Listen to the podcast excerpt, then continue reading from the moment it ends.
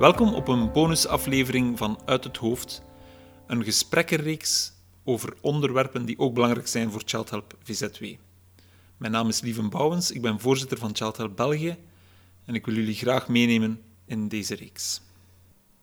Naar aanleiding van de eerste twee gesprekken met professor Dirk de Wachter en Vivina de Meester kregen wij heel wat feedback en vragen van de luisteraars. We hebben beslist om af en toe een bonusgesprek op te nemen om dieper in te gaan op die vragen en die opmerkingen.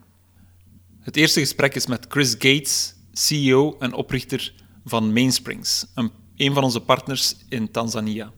Samen met Mainsprings ontwikkelt Child Help nu een opvanghuis naast de campus van Mainsprings. We gaan in op de geschiedenis van de organisatie, de keuze voor permacultuur en hebben ook een aantal aanbevelingen. Let wel, het gesprek is in het Engels.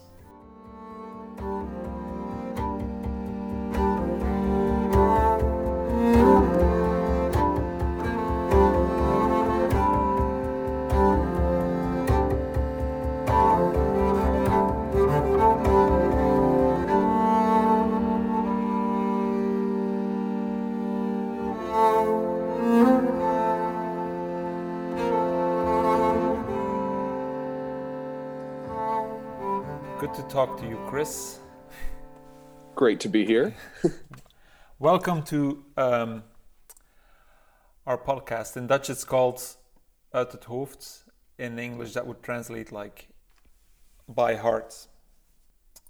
It's a, a podcast in which we try to explain the story of child help and the and the work that we do um, by explaining some of the stories behind it, and um, and of course um, there is a shared story with your organization, and that's what I'd like to explore in our conversation today.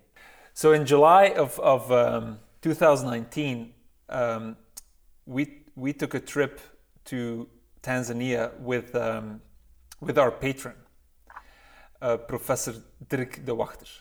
Uh, he's a he's a psychiatrist, a famous psychiatrist here, in Belgium, and um, we we planned a trip to Tanzania to to visit some of our projects. Um, that was around the time that we were thinking about our houses of hope, um, the uh, like guest houses close to a hospital where mothers can stay for a while um, before and after surgery of their child with a disability. And uh, we have a House of Hope in uh, Mwanza, but the House of Hope had to close. So we knew all that, and we were rethinking the approach to these guest houses, to these houses of hope. Um, so while we were preparing for our trip with our patron, I saw on the uh, on the uh, Facebook page of Mark Shepards, and we'll talk about Mark, I think, later in our conversation. But I saw on his Facebook page pictures of, of a farm seven years ago and now. That's how he announced it. This was seven years ago, and then you saw a picture of Mark standing in a in a bare field with a couple of seedlings uh, that were just planted, and then seven years later, there was this lush. Um, uh, environment again with Mark in the picture, and he was uh, and and so he announced it as um, this is in Tanzania, wonderful project. And because I was visiting Tanzania, preparing for our visits, I, I made a comment in the um, on on the pictures like where is this? Who is this? Not knowing what type of Yeah. uh, um, uh, traje- trajectory that question would put us uh, would put us on. um, it's important to see how these coincidences uh, lead to from one to another, uh, from a, a small meeting to a bigger bigger project.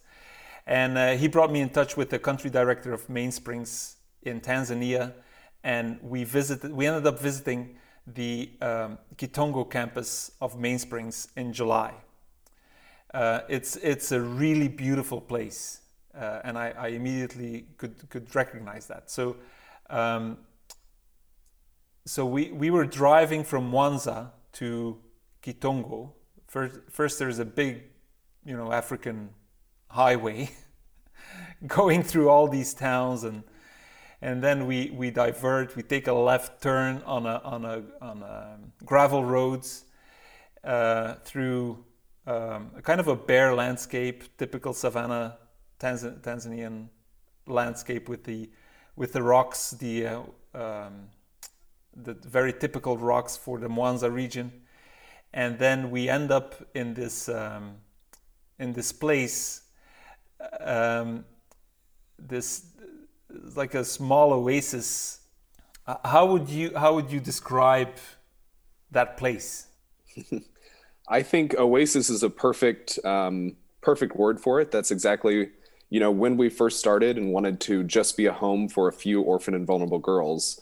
Um, that's exactly what we wanted to create. We wanted to create an oasis, a safe refuge for these young women who've had histories of abuse and um, all sorts of neglect to feel safe and feel at peace and feel loved. And so from the very onset, even though we've grown much much larger since then, we've always wanted to create this sense of an oasis. Yeah. So so how big is the place? So our Kitongo campus is currently a little over 80 acres, about 36 hectares, and that encompasses all of the different um, permaculture projects, our girls' home, our school, healthcare clinic, um, on-campus restaurant and lodge. So it's it's a bustling campus. Um, at 36 hectares is quite large, but we we managed to fill it very well. yeah. Uh, Chris, do you know anybody with spina bifida and hydrocephalus? Uh, we actually have one of our residential girls um, who has spina bifida and previously has had to travel to Ghana for surgeries and stuff. So we we do have um, one of our residential girls, and I've also known a couple people here in the U.S. who've um, suffered from spina bifida as well. Mm-hmm. Okay, so you're familiar with the with the disabilities. Um, yes. So when when when we were thinking about these houses of hope, our guest houses, how how, how do you call the the houses of the for the girls? The we call them dormitories. Yeah. But yeah, similar. I mean, similar idea. It's the same yeah. same thing in function. Yeah. I I immediately saw um, a model in um, in what you do in in uh, in Kitongo. I saw a model that would be very applicable to to our needs, where you need to approach um, the the the uh, challenges that these people are confronted with on a on a much more multidisciplinary from from a much more multidisciplinary angle, more holistically, and um, so uh, so so I saw in in the Kitongo campus really a model of how I would like to see our houses of hope evolve. So I hope that throughout our conversation, I hope it, it becomes very clear what that model is and and how we um, how we envision the collaboration. So, Absolutely. So, so why don't you start with telling the story of Mainsprings? Yes. So when I was in kindergarten, believe it or not, I actually stood up on my kindergarten career day and said I want to be an exotic animal veterinarian in the Serengeti National Wildlife Park of Tanzania, East Africa. And always dreamed of living and working in Tanzania for whatever reason. I must have seen something on TV and my grandmother promised that when I got older, she would take me on safari. And when I turned um, 15, 16, she kept her promise and said, you know, in order for you to get this safari, I will still take you on safari, but we need to volunteer and see what the country's really like before we go on a luxury safari. And so I kind of dragged my feet. I didn't want to do this volunteer community service. And it was the trip that changed my life. We um, volunteered at a Center for Street Boys and um, fell in love immediately with the culture, the people, everything about the area.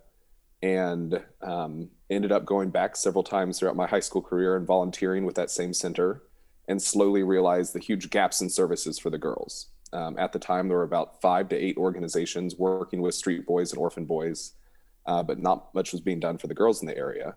And so that's really where the idea for founding Mainsprings came from. Um, it was just to be a very small home that was able to provide a few, hopefully a few dozen girls originally, um, just a safe, loving place to grow up where they could leave their past behind and, and grow into young, empowered women. Um, so we started back in 2006. We're able just to build um, one home at the time. We chose this village of Kitongo, where our first campus is, um, because there was a great, great plot of land right next to the lake Um, as I mentioned, we wanted to create this sanctuary, this oasis for these girls. So we like the idea of being out of the city um, where many of them had come from and their troubled past kind of reminded them um, of city life. And, you know, wanted to just um, create this loving family. And as we um, finished the building, we were able to accept our first seven girls. So we started very, very humbly. And they were attending the public school in Kitongo at the time. The public school was um, quite large. It had over 900 students, but at the time our girls were attending, only had three teachers. So they only had three teachers, kindergarten through grade seven, for over 900 students. Um, so as you can imagine, not much was being done. Uh, most days we'd look at our girls and instead of bringing books, they'd be bringing hose to school because they were supposed to be working their teacher's land because their teacher didn't have time to go into their classroom. And so we quickly realized and started talking to other community officials. This was a commonplace thing. And we said, if we're truly going to empower these young girls to become strong, confident young women, they need a solid education. And that clearly wasn't going to happen in the public sector. And so we started our own school, um, which is now um, preschool all the way through secondary school for about 450 boys and girls. So we um, have grown our home, which is how we started. We have a capacity for up to 48 girls at one time, and we stay with those girls until they can um, finish their secondary education, and we also support them in their tertiary education, whether that's vocational colleges, um, universities, trade colleges, whatever the case may be. Um, so we still are true to kind of that founding sense of being a, a family for those um, orphan and vulnerable girls, but have really expanded. So, like I said, our school is now home to, or an education place of education for 450 boys and girls. So we have over 400 people come from the community every day. And as the school and the girls' home started to evolve and continue to grow, we um, recognized the need for sustainability. Obviously, feeding that many mouths and caring for that many um, people takes a lot of money. And we saw that we have big pieces of land that was not being utilized or not being utilized well, and wanted to just improve our sustainability. And so back in 2012, we were introduced by um, a friend and board member to Mark Shepard, who came over for the first time in August of 2012 and helped us completely redesign our land, the layout, um, basically everything, everything we were doing. Before that, we had very traditional gardens, some monocropping, some livestock. Um, it was very piecemeal and not very well thought out. And so he really helped us to create a cohesive permaculture system. And that over time and it took some time because you know it was kind of a foreign concept it was a different way of of doing um, farming and gardening and keeping livestock than uh, many of our staff were used to but as people started to uh, um, see the benefit we really um, started to get more and more buy-in both from our staff and from local community members and just a couple years ago actually created the permaculture institute of tanzania um, under the umbrella of mainspring so that we can really take what we have learned and practiced and experienced in permaculture and spread that all across East Africa and other parts of the world. And the final piece of our kind of model came about because we were talking to, as everything did with education, permaculture, everything came out of talking to our staff, to community members, to local leaders. And the kind of biggest gap that we were not addressing at that time uh, was access to healthcare. And so, you know, in Tanzania, as you all know, you deal in health healthcare. Um, there's tens of thousands of patients for every one doctor, and it's especially hard for people in rural areas to access um, quality healthcare. And oftentimes, by the time they do access it, it's it's too late, or the case is too severe, and it's much worse than it could be. And so we started a small clinic, and now have a full time doctor and nurse, and are able to provide both preventative healthcare education as well as treatment to um, the surrounding area, so that we can keep everybody in our area just a bit healthier. So that's um, that's a very fast track story history of the organization. So so so what is Mainsprings now? If if you if you look at the organization, what is the structure and how many staff do you have? And yes, so now we've actually um, we've started a second campus.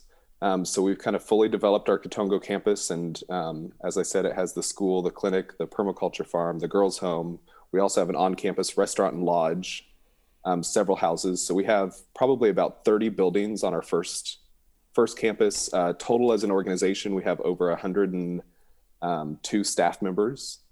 Um, a vast majority of them are East African. We have a few based here in the States, um, but all of our um, East African staff is um, completely self run and led by local leaders. That's been fantastic to see.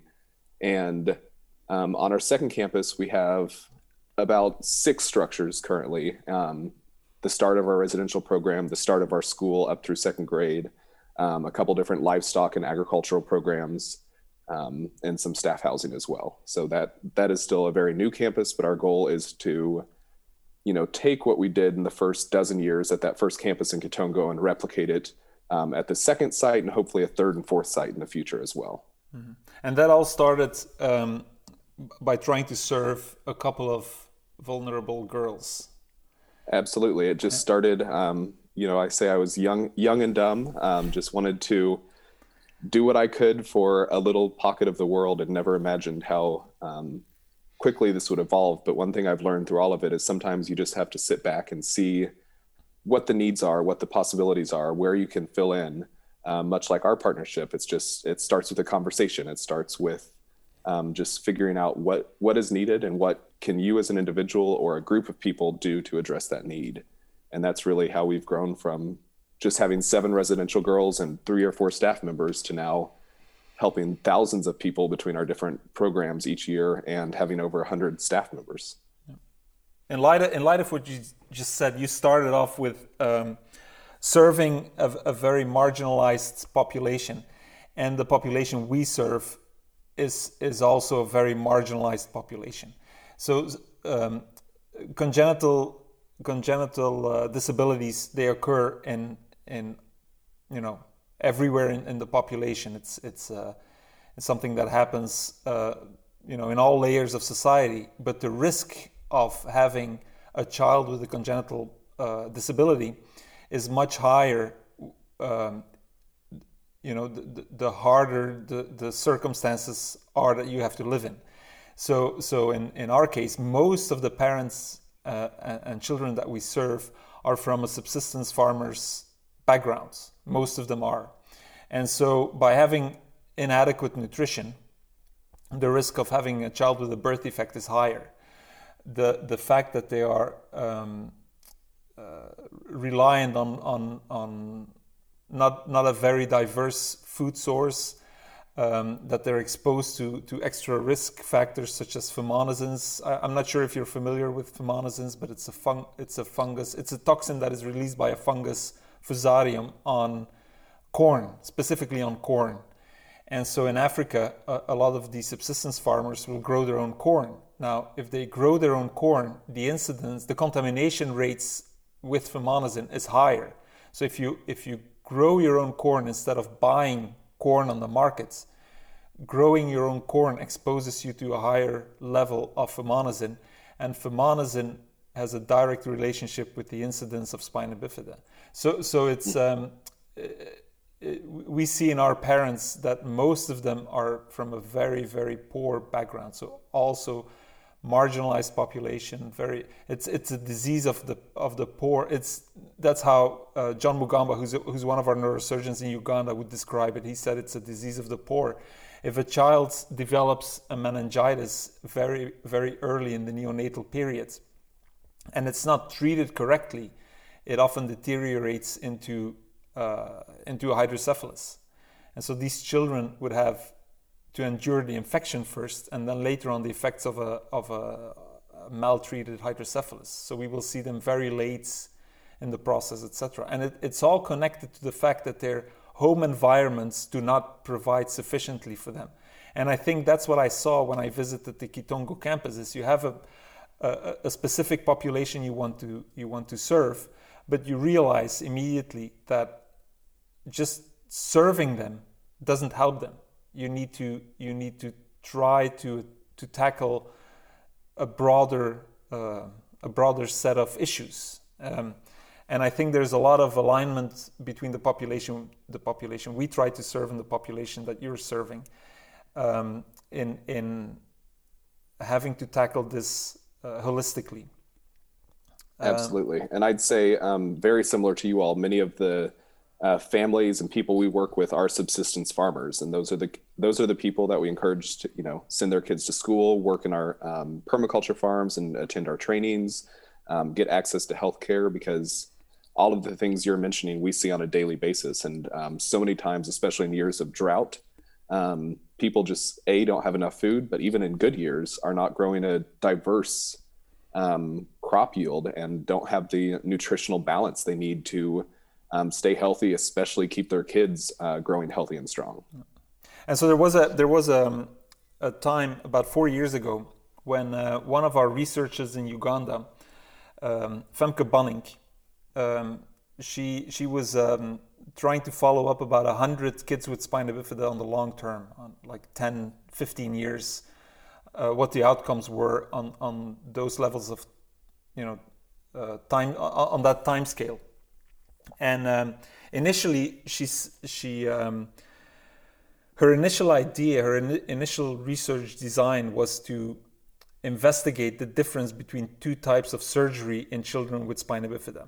So, when a, when a child with spina, spina bifida develops a hydrocephalus, you can treat the hydrocephalus either with a shunt, which is a, an implant, which is a device, a foreign device that diverts the, the cerebral spinal fluid from the brain to another you know, cavity in the in the stomach or or at the heart, um, and you can treat it endoscopically. And so her initial idea was: I, I look at this population of children with spina bifida and hydrocephalus. I I look specifically at the children that were treated hydro, um, with a with a shunt, and I look at the at the population of the children that were treated endoscopically, and I look at the developmental differences between the two.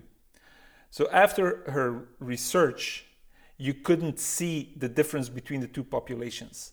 It was it was trumped by two parameters that had nothing to do with the medical history of those children. Um, one one was whether or not the parents were involved in a in a in a parent group in a self help group, um, where of course there's a correlation. It doesn't say anything about causation. But the second one, mm-hmm. the, the outcome of the child was directly linked to the socioeconomic situation of the family. So, if you want to have a positive impact, that's the lesson that I took from it. If you want to have a positive impact on the quality of life of that child, you actually do not. First and foremost, you have to have an impact on the you know socioeconomic situation of that family, on the livelihoods of that family. Right.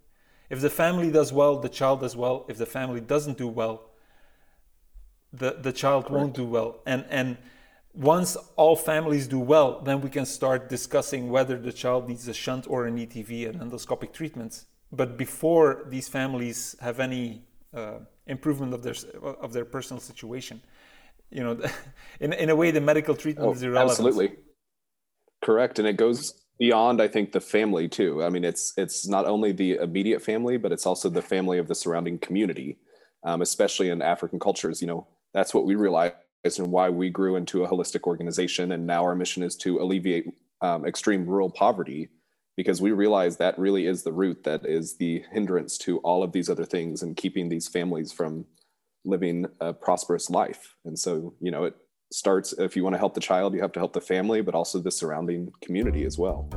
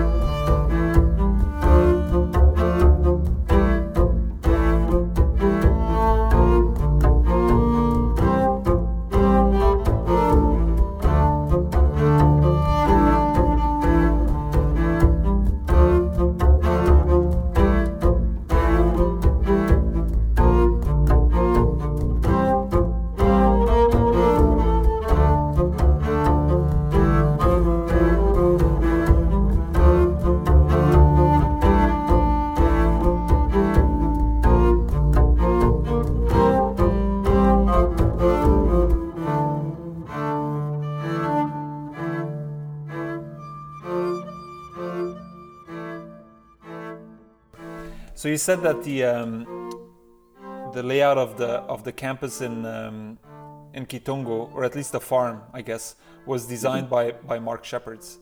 Uh, Mark Shepards is a farmer and the author of the book Restoration Agriculture. I think the subtitle is Real Life Permaculture for Farmers, something like that. Yes. So, what is what is um, what is permaculture for you, and and, and how did you end up uh, using those principles in in Kitongo? Yeah, permaculture. Um, you know, I like to say it stands for a combination of permanent agriculture. It basically takes the theory that if we let nature and just let, left it alone, left it to its own devices, it would take care of itself. You would have a mix of uh, tall trees, short trees, shrubs, vines, lowland grasses, and crops, um, all working harmoniously together. And you know what permaculture does is basically takes that idea of saying all of these different plants in a natural setting interact with each other and work together and help to both feed and take out what the other one you know feeds and takes out and in order to have a truly uh, productive farm that has much less input and uh, much less erosion better water retention um, ultimately helps sequester carbon um, you need to design your farms and your land in a way that kind of replicates nature and so we have different tree rows um, with various alleys in between the trees have um, different nitrogen fixing trees, fruit trees, um, vines of different fruits, shrubs. And in between them, we have lots of our traditional vegetable crops and um, just the typical crops that you would grow. And so, what that does over time, like I mentioned, the roots of the trees really help to um, help with erosion. The um, they also help to fix the nitrogen in the soil. So a lot of the crops that kind of take nitrogen um, on a regular basis are constantly fed by those fruit trees and over time it just becomes this harmonious cycle we say in permaculture there's um, the three p's uh, the people care planet care and profit and that's what really sold us on this idea of um, ultimately you have a system that really helps just to provide for itself and is a continuous cycle um, but it also cares for both the people and the planet and provides you with an abundance of a variety of things um, the other benefit that we've seen with permaculture is that diversity is key um, especially when you talk about um, drought or insect resistance, things like that. The more variety you can have in your farm, the better. Um, and that's just from an ecological standpoint because you know you have that kind of creates a barrier for different possible diseases and insect infestations and different drought scenarios. Um, but the outcome as well is also very beneficial for humans because we have a much more diverse selection of fruits and vegetables and um, variety of crops, which ultimately helps, um, especially in an area like rural rural Tanzania, um, helps the overall health of our community. Mm-hmm. W- with the purpose of also making it more resilient in, in for the unknown future, where correct um, issues like climate change would definitely harm our populations more than it would harm those that are not in, in the margins of society Yes. No, and, and we've seen that diversity really helps to, you know, like I said, it's a permanent system. We have most of our most of our trees and things that we have in our gardens now. Unlike before, before we just kind of have everything on a three or four month rotation, rotate things through different tomatoes, broccoli, kale, whatever you want to plant. Um, but now most of the stuff that we have are perennial trees that really get established and help to um, hold water on the soil the way we've designed it, um, or hold water on our land, help to uh, reduce erosion, and also just really help kind of the permanence of the system. And that's the whole idea behind it. What is inspiring for me in in in this area is that um, this is an issue that is not just um, happening in poor countries. I live in a in an area in one of the richest areas of the world, um, but yet I'm involved in a in a farm uh, that is operating more or less. A, uh, it's not a fully permaculture farm, but we're working on it to make it a, a permaculture a permaculture farm.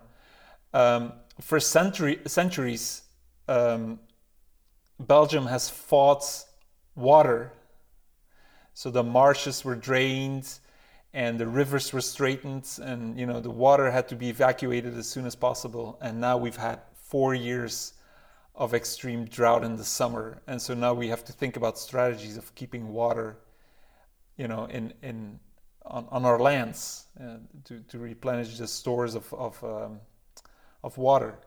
Um, and that's maybe something else we have in common that you have you, you're also uh, developing a farm in in in your place yes. i'm developing a farm in my place and we're developing a farm somewhere in a third place yeah. yes yeah i i recently was living in the suburbs of a city again very wealthy area um, and decided recently um, a few months ago just to sell my house and move to about a little more than 10 acres um, and have been working over the past few months to develop that into a permaculture based system. And so we have very similar to what we've done in Tanzania. We started with the design of the land. And the first thing, as you mentioned, is keep as much water as possible on that land. And so we dug a second pond on the property. There was already one small one. We also did a whole swale design, figured out where the key lines are, where the best places to catch water, and basically have these berms and swales or trenches um, that are perfectly level along the land that just help as as water flows down it helps to capture it. And that's where we'll put all of our fruit trees and nut trees and wood trees. Um, and again just like we've done in tanzania the species may be a little bit different in oklahoma here in the usa than they are in the equatorial belt of east africa but um, the principles are the exact same thing. And we believe so i believe so um, fully in this methodology that this is an answer for our planet, both for the people and the planet itself, that uh, more people should be looking at this. Um, you, you, said diversity is key to a resilient system. Um, yes. And, and um, is that is that also the case in your in your schools in Tanzania in in the the staff in, in the campus? Um, we believe in diversity of all sorts. Um, you know, one of the things I think that is unique about us, um, as compared to a lot of other international organizations, is that we do want 100% East African uh, leadership and staff. We still have a lot of volunteers, interns, things like that that come from around the world. Uh, but just at the beginning of this year, we transitioned to 100% East African staff in Tanzania. Um, so that's something we're very devoted to. But we have a variety of ages. We um, really look at gender equality um, because that's something that's very important to us is making sure that women have a voice at the table which is often not common in tanzania and even religious backgrounds and different things like that you know we have a very diverse uh, group of people um, whether that's our staff the families we work with the communities um, the children so we we believe that that really helps to create just a stronger foundation for life mm-hmm. so a lot of the farmers subsistence farmers that we work with, they would they would grow you know their corn and they, they would have a, a little bit of produce and, and, because they're subsistence farmers they, they grow what they eat. And then when there's a little bit of surplus they would go to the market try to sell it. That's their only often their only source of income making it um, uh, really hard for them to even uh, afford the bus fare to the hospital if the, if the child has a has a problem. Now um, one of the things that we're concerned with is um, if you're growing, if you're growing um, an, not a very diverse set of, you know, plants or vegetables or whatever. Well, first of all, your your, your diet is not going to be very diverse, mm-hmm. but also your access to nutrients, micronutrients, will be maybe sufficient in one type in, in one um, time of the year, but insufficient in the other time of the year.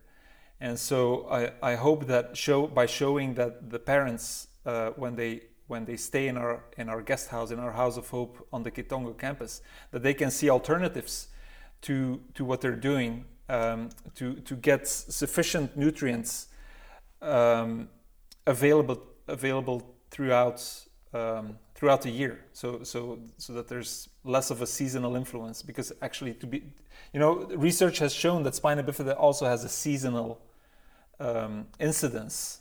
So I, I, don't really remember exactly when when the peaks are but you know there's peaks twice a year and it's related to the to the dry and the and the wet season um, and the availability of nutrients. So if there's less nutrients yeah. in the population you get a you know a higher incidence and then you know the, the fruits come and, and vegetable com- vegetables come they get more nutrients and the incidence goes down, you know, and six months later is back up again. So, so that's if, if we want to work on prevention, and, and prevention in those families is also very important. Of course, you know, better to prevent than, than to cure. Uh, mm-hmm. We really need to address the issue of, of nutrient availability in um, in the diets of, of these families. Is is uh, is that something you actively address in in Kitongo? Absolutely, and that's one of the things I was about to say. Is actually our full-time doctor, um, a lady by the name of, of Dr. Kajiru, um, has actually become one of our biggest advocates for permaculture because she has seen the benefits of having a permanent system that is always producing something, and it's constantly rotating what it's producing. And so she, she says, you know, she can treat, she can test, she can, you know, do all these things as a doctor but it is far more beneficial to look at kind of the micro level nutrients and just what is going into the body. And mm-hmm. she's even worked with our school cooks, um, permaculture team, different community members to try to um, just improve the nutrition of our school breakfast and lunches that we provide. Um, and also as a part of her kind of community health um, prevention education seminars, she includes um, nutrition as a major part of that and constantly sings that permaculture is key. Mm-hmm.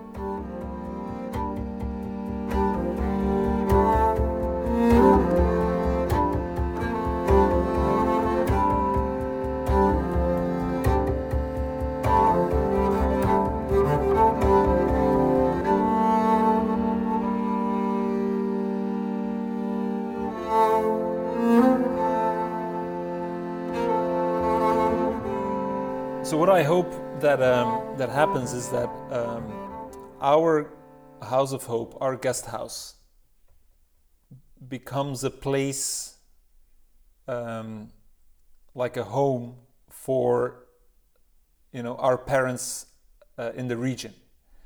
You know that they have a place to come to, a place to feel uh, at home, and uh, you know they're there uh, at one at a very stressful moment often not always but often on a very stressful moment in their lives where they're trying to find support and care for you know a child with a serious health condition. Um, and and I, I understand that maybe when they're there on their most stressful moments uh, that they might not yet be open to all the other um, elements that we try to to you know make them see. You know their their mm-hmm. you know their their their uh, mental space might be too limited to actually see see and appreciate what is happening there. But um, they often you know they often return to the hospital for checkups. And so over time we we hope to definitely improve their uh, their home situation. Yeah. And I think that ties back into you know how we started with permaculture, and I mentioned we struggled to get our own staff and our own community behind this new idea, and it took a long time of us just kind of trudging along slowly, getting things up and running. Uh, but now it's it's to the point where anybody who comes to our campus can see the difference. Like when you see a neighboring mm. plot of dried up corn next to our food forest, um, with sandy soil next door and really black nutrient rich soil right next you know in our plot um, people can see the difference and typically start to ask questions especially if you are hearing about the need for nutrition of your child um, you know added nutritional value for your child to benefit their health. You know those things start to fall into place for families. And i think since this is an established system that they can look at and have proof that it works um, you know i hope that more people can get behind it. And i think that ties into the whole concept that permaculture is not just a design model. It's not just science. It is a culture. Mm-hmm. You know, it is a whole culture of the way you live, the way you view the world. Um, and so hopefully that that culture can start to um, just trickle into other parts of um, the different areas in which we're both working. Yeah. So, so for me, it's very clear the the added value of um, of collaborating with Mainsprings. What would your motivation be of of collaborating with a, an organization like Child Help? Um, I have always been a huge believer of if you want to go fast, walk alone, but if you want to go far, walk together. And I think the more that we can collaborate as organizations, um, the better off we all are. Um, you know, I think we both have different skills that we can always bring to the table with us. We have experience in permaculture, um, but we're an experience in education and reaching the community in those senses. But you know, healthcare and kind of the health and nutritional benefits for our community is something that we're very new to and can benefit from you. Um, so I think we both bring valuable skills to the table and both have enough in common that those skills will be complementary and that our kind of overlap is is fantastic. So I learned when I was visiting the um, uh, Kitongo campus um, when you were organizing the permaculture design course in February, back in February. It, it you know sounds like a different world. it was yes. it was a different time. Um, yes, you know, was. back in, back in the time in, in the days that we could still travel. yes, just a short whatever ten. Gosh, that was nine months ago. Yeah, it feels like you know seven years, whatever. Yes, um, yes it does. Um, you know the, the, the training course the permaculture design course um, is is an, um, an activity of your of, of the permaculture institutes um, but uh, but, but um, I also met this uh, really fascinating character who showed up with large bags and a safari hat on uh, John D. Liu um, who was who was who's traveling the world and and trying to figure out how to restore um, ecosystems. And he was he was visiting the Kitongo campus with a particular um, objective. Um, can you elaborate a little bit? Absolutely. Um, so s- similar to the first time I met you, actually, both of our big collaborations this year have come out of our permaculture design course, which as you said, was the only time of the year that we've been able to really travel and, and do things since. But um, we met John, and he had also been um, introduced to us by Mark Shepard, who was helping to lead this permaculture design course with one of our staff members. And, you know, John was amazed at just how much transformation had clearly taken place in a relatively short amount of time, um, just eight years. And um, he has historically worked with very large um, governments, organizations, things like the UN and WHO, and done restoration on a massive scale. But he slowly realized, and he says this time and time again, that in order to actually have a movement, we need a, a lot more, but smaller initiatives. And so he started the Ecosystem Restoration Camp, which is basically what they're trying to do is create a network of camps, just like our Permaculture Institute of Tanzania. Um, connected to each other all throughout the world so that we can share resources, we can share experience, knowledge. Uh, we can offer collaborative training opportunities for volunteers and also just volunteer and, and um, opportunities as well. So they have a very large network. It's a fairly new organization, but we've been selected to be one of their camps.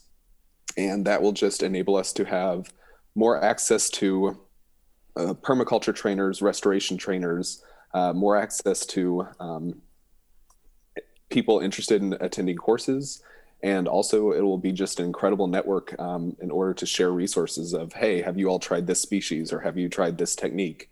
Um, so that hopefully we can create, um, just like a mushroom creates the mycelia under the soil. Um, that's what we want to do with our camp network of create this really strong uh, network under kind of underground for the time being, so that eventually that can pop up and really um, cause some massive transformation around the world because climate change is real and um, there is actually science that we can reverse it but we all have to do our part and it's going to take um, a lot of work. And so that's mm-hmm. why we want this collaborative network to happen. And it also has the benefit of not only helping our earth and helping hopefully to um, have an impact on climate change but it also improves the lives of all the people around it. Especially those that we want to serve the, the most uh, marginalized uh, population of populations. Yes. So um, w- why don't we end this conversation because I think we've been talking for about an hour. Yep. Um, uh, why don't we end the um, the conversation with with a recommendation? Uh, Great. Let me start um, with with um, let's do let's do two recommendations each. Let me start with um, a lecture that I saw on YouTube by Gabe Brown on uh, soil health. And Gabe is is um, I, I, don't know Gabe Brown personally, uh, but he's one of those uh, U.S. based farmers who had um, who, who, who are very inspirational on, on you know restoration agriculture. I think he calls it regenerative agriculture. Mm-hmm. But all the principles laid out uh, that we just discussed in the, uh, about restoring our environment, um, he lays it out very clearly in a one-hour long YouTube, very boring YouTube lecture. But it was it was it was boring, but it was extremely inspiring and so I'll um, I'll put the link um, in the notes to this episode so people can see it. It's uh, you need to take a bit of time, but it explains uh, you know very clearly where it all starts. It starts with the soil, and so uh, what to do in order to improve the soil as fast as we can. Now, yes. now it's your turn. Um, so I would recommend Mark Shepard. We mentioned uh, one of the books that he has of restoration agriculture. Highly recommend that one. Um, but also, he recently came out with another book called Water for Any Farm. And it really is the basis of where you kind of start design and what you need to consider in order to capture as much water as possible and contain it in a positive way um, on any piece of property around the world. Um, and so that's a fantastic book then another recent documentary that came out, and it's uh, featuring John Liu, who we uh, talked about with the Ecosystem Restoration Camp movement, and he's also with Commonland Foundation. Um, they came out with a documentary called Kiss the Ground. Um, here in the US, it's available on Netflix and a few other um, streaming services for free. And I um, believe if you just Google it, um, they have free access for people around the world to see it. It's a documentary featuring several celebrities. It's narrated by Woody Harrelson um, and features different camps and farms and movements uh, around the world, but also goes into the science of why this regenerative agriculture and restoration is important and how it can actually help to fix the climate crisis that we're in. And then, and then my last recommendation would be um, Jenny Kleeman is a Channel 4 uh, journalist who made a documentary called Uganda's, Mir- Uganda's Miracle Babies. And she visits four children with hydrocephalus in the area of Mbale, Uganda. Uh, one of the children receives timely treatment, supported by the family. Another child reaches the hospital very late, a subsistence farmer mother who needs to save for months to afford the bus fare to the hospital. A third child is 14 years old and lives with hydrocephalus in a very remote village in eastern Uganda, uh, but never received treatment. And the uh, the hydrocephalus didn't fully develop, so the child was was you know doing fairly well, but eventually uh, dies a couple of months after uh, the documentary was made. Uh, but he was bullied and he was um, isolated in his village. And the fourth child is a baby that um, never leaves the village where um, witch doctors try to try to uh, heal the child, and of course it doesn't. You know, turning a white chicken around the head of a sick child doesn't heal the child. But it's a it's it's a it's a very good documentary to to see the different pathways of children with congenital disabilities in. Um, in a developing country like Tanzania or Uganda, the situation is very much the same. Yes. So, thank you very much, Chris. Um, this is recorded on the 17th of November, and I hope I can edit this this week and publish it later on. Uh, but I'll keep Great. updated. Well, thank you very much yeah. for this opportunity to speak with you a, a bit more. Um, it's always a pleasure to see you and speak with you, and we are extremely excited for our new partnership and uh, just look forward to seeing where it goes in the future months and years. Yeah. So, so um, um, maybe as the very last part, mm-hmm. where where can people find you? If they uh, need, people if they can find get, this, if they need to get a hold yes. of you. yes, um, our website is www.mainsprings.org. Um, that's M A I N S P R I N G S dot O R G. Um, you can fill out our contact forms and find all of the uh, relevant information and videos and whatnot about our work on our website. Okay, great. Thanks yes. a lot, Chris. Have a good day.